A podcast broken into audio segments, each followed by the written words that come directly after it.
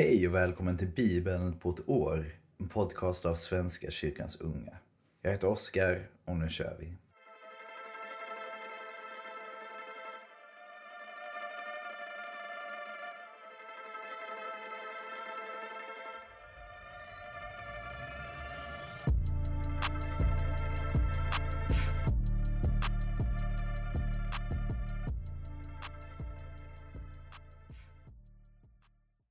För idag.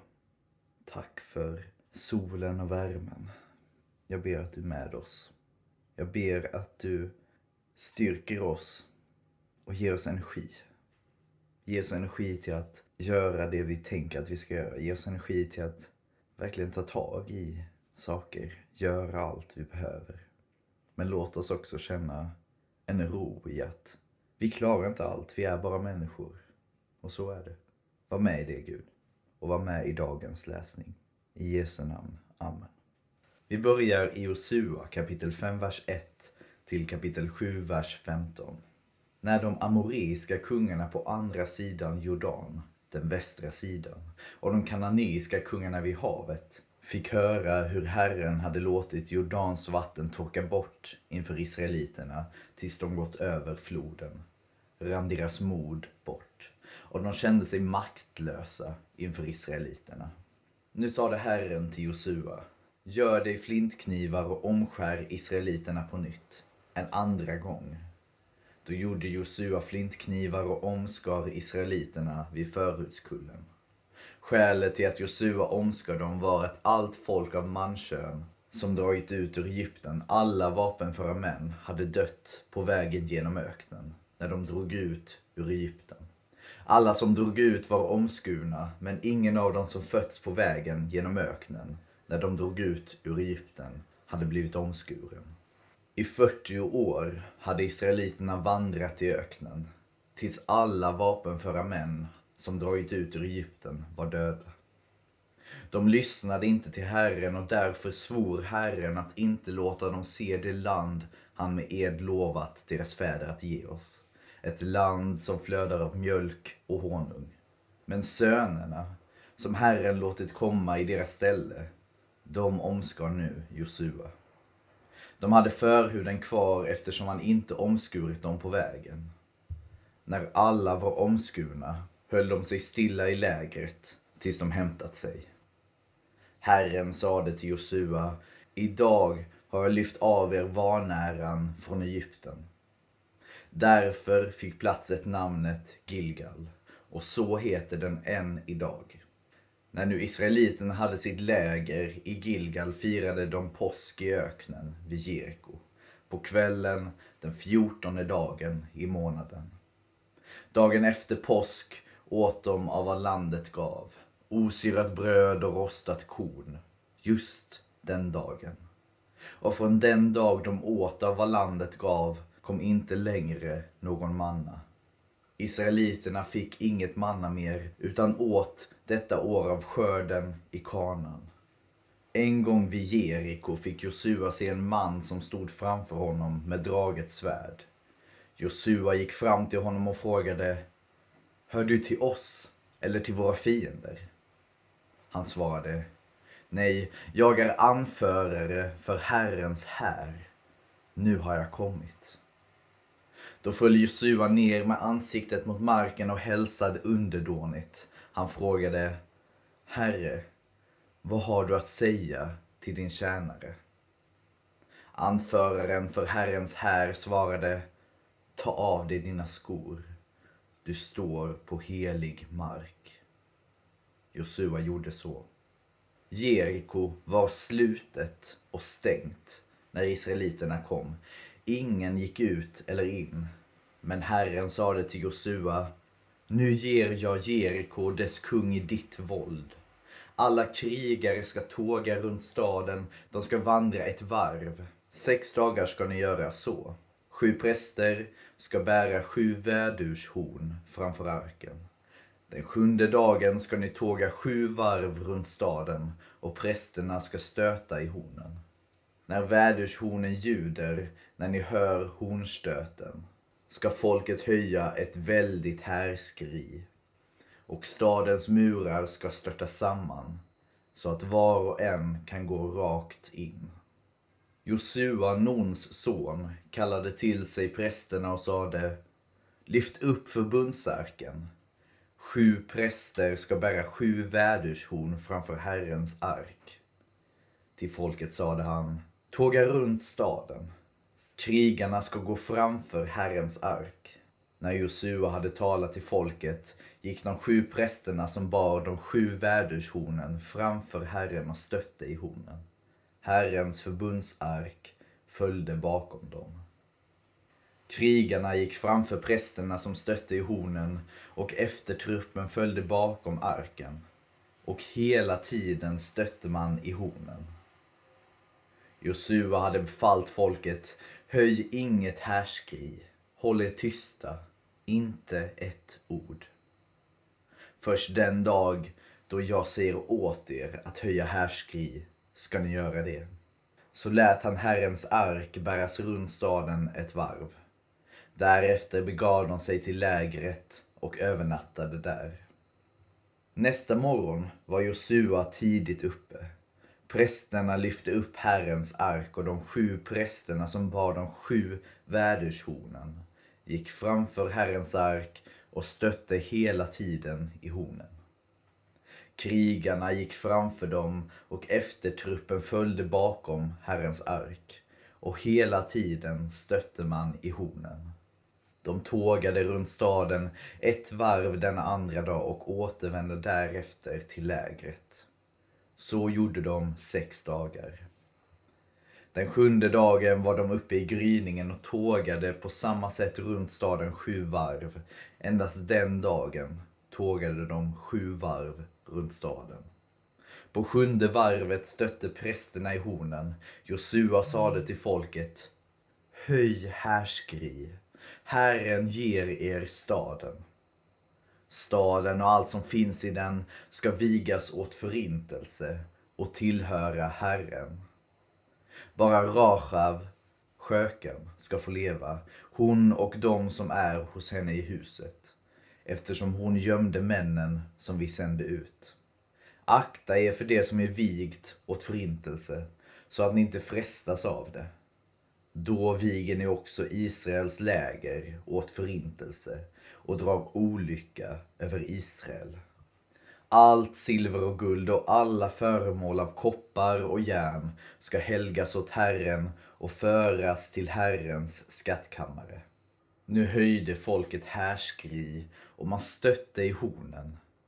När folket hörde hörnstöten höjde de ett väldigt härskri och murarna störtade samman så att var och en kunde gå rakt in. Så intog de staden. Allt i staden, man och kvinna, ung och gammal, oxe, får och åsna, vigde de åt förintelse och högg ner. Till de två männen som spionerat i landet sade Josua, gå in i skökans hus och för ut henne själv och alla hennes anhöriga, så som ni lovat henne med ed. De båda männen gick in och förde ut Rachav, hennes far och mor och bröder och alla hennes anhöriga.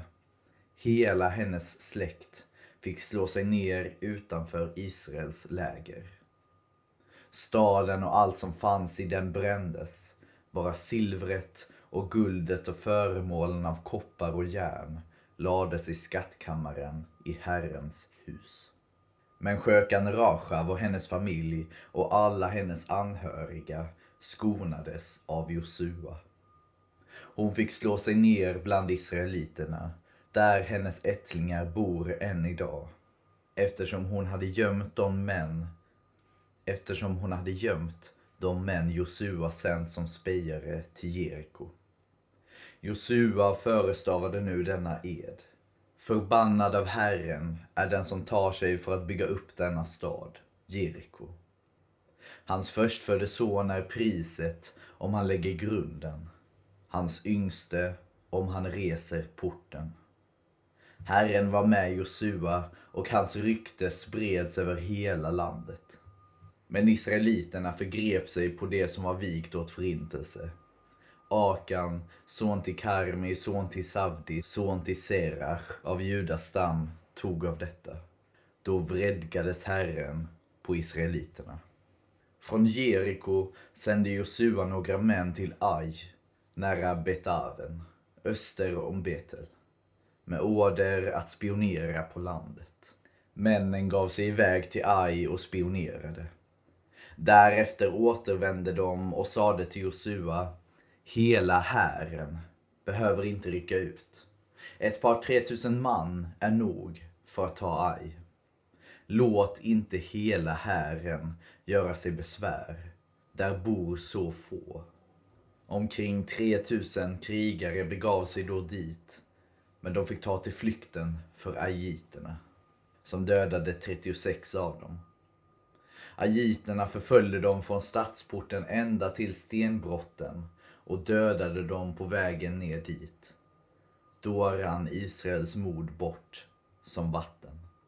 Josua rev sönder sina kläder och föll ned med ansiktet mot marken inför Herrens ark och blev liggande så ända till kvällen, liksom Israels äldste.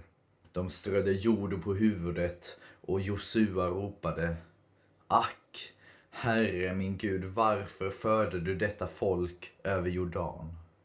För att ge oss i amorenas våld? För att förgöra oss? Om vi ändå hade valt att stanna på andra sidan Jordan. Herre, vad kan jag säga nu när Israel vänt ryggen till och flytt för sina fiender? När kananéerna och alla de andra som bor i landet får höra det angriper de oss från alla håll och utplånar vårt namn på jorden. Hur ska du då rädda ditt namns ära? Då sade Herren till Josua, stig upp. Varför ligger du där med ansiktet mot marken? Israeliterna har syndat och brutit det förbund som jag befallde dem att hålla. De tog av det som var vikt åt förintelse. De stal det och lade det i smyg bland sina ägodelar. Därför kan Israel inte hålla stånd mot sina fiender utan måste vända ryggen till och fly. Israeliterna är vigda åt förintelse. Jag ska inte längre vara med er om ni inte utplånar det som är vigt åt förintelse. Se nu till att folket renar sig. Säg, gör er rena till imorgon. Ty så säger Herren, Israels Gud. Israel, du har hos dig sådant som är vigt åt förintelse. Ni kan inte hålla stånd mot era fiender förrän ni har gjort er av med det. Imorgon bitti ska ni stiga fram stam för stam. Den stam som Herren låter lotten falla på ska stiga fram, släkt för släkt. Den släkt som Herren låter lotten falla på ska stiga fram, familj för familj. Den familj som Herren låter lotten falla på ska stiga fram, man för man. Den lotten då faller på därför att han har det som är vigt åt förintelse. Han ska brännas med allt han äger. Han har brutit Herrens förbund och begått ett nidingsdåd i Israel. Vi fortsätter i Lukas evangeliet, kapitel 15, vers 1 till 32. Alla tullindrivare och syndare sökte sig till Jesus för att höra honom. Fariseerna och de skriftlärda förargade sig och sade Den mannen umgås med syndare och äter med dem. Då gav han dem denna liknelse. Om någon av er har hundra får och tappar bort ett av dem, lämnar han då inte de 99 i öknen och går och letar efter det borttappade tills han hittat det?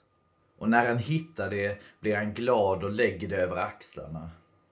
Och när han kommer hem samlar han sina vänner och grannar och säger till dem Gläd er med mig.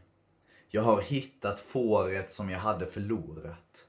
Jag säger er, på samma sätt blir det större glädje i himlen över en enda syndare som omvänder sig än över 99 rättfärdiga som inte behöver omvända sig. Eller om en kvinna har tio silvermynt och tappar bort ett av dem? Tänder hon då inte en lampa och sopar hela huset och letar överallt tills hon hittat det? Och när hon har hittat det samlar hon väninnor och grannkvinnor och säger Gläd er med mig.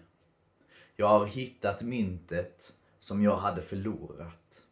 På samma sätt säger jag er, gläder sig Guds änglar över en enda syndare som omvänder sig. Han sade, en man hade två söner.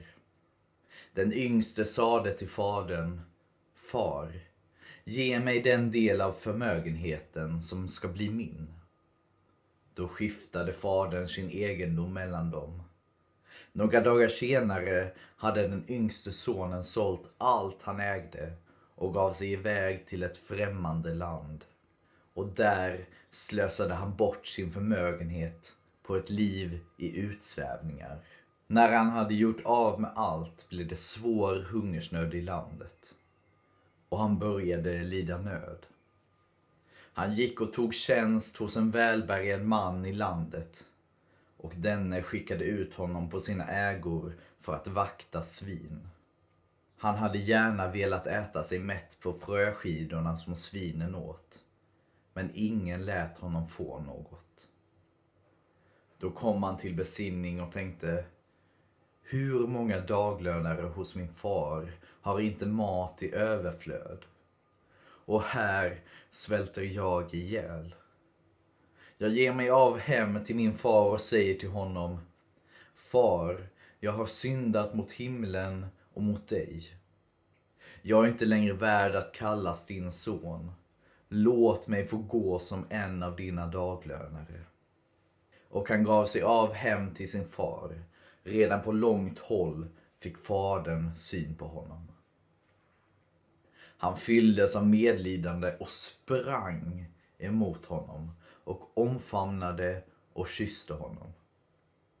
Sonen sade, Far, jag har syndat mot himlen och mot dig. Jag är inte längre värd att kallas din son. Men fadern sade till sina tjänare, Skynda er att ta fram min finaste dräkt och klä honom i den och sett en ring på hans hand och skor på hans fötter och hämta gödkalven och slakta den, så ska vi äta och hålla fest. Min son var död och lever igen. Han var förlorad och är återfunnen. Och festen började. Men den äldste sonen var ute på fälten. När han på vägen hem närmade sig huset hörde han musik och dans. Han kallade på en av tjänarna och frågade vad som stod på. Tjänaren svarade, din bror har kommit hem och din far har låtit slakta gödkalven därför att han har fått tillbaka honom välbehållen. Då blev han arg och ville inte gå in. Fadern kom ut och försökte tala honom till rätta men han svarade här har jag tjänat dig i alla dessa år och aldrig överträtt något av dina bud. Och mig har du aldrig ens gett en killing att fästa på med mina vänner. Men när han kommer hem, din son som har levt upp din egendom tillsammans med horor, då slaktar du gödkalven. Fadern sade till honom, mitt barn, du är alltid hos mig och allt mitt är ditt. Men nu måste vi hålla fest och vara glada för din bror var död och lever igen. Han var förlorad och är återfunnen. Vi fortsätter i psalm 81 för körledaren av Asaf. Jubla inför Gud, vår styrka. Höj hyllningsrop till Jakobs Gud. Stäm upp musik, slå på tamburin, spela ljuvligt på lyra och harpa. Stöt i horn vid nymåne och vid fullmåne på vår högtidsdag. Ty det är en stadga för Israel, en rättighet för Jakobs Gud. En lag som han gav åt Josef när han drog ut ur Egypten. Jag hör en okänd stämma. Jag lyfte bördan från hans axlar, hans händer slapp bära korgen. När du ropade i nöden räddade jag dig. Jag svarade, dold i åskan. Jag prövade dig vid Merivas vatten. Hör mitt folk, jag vill varna dig. Om du ändå vill höra mig, Israel.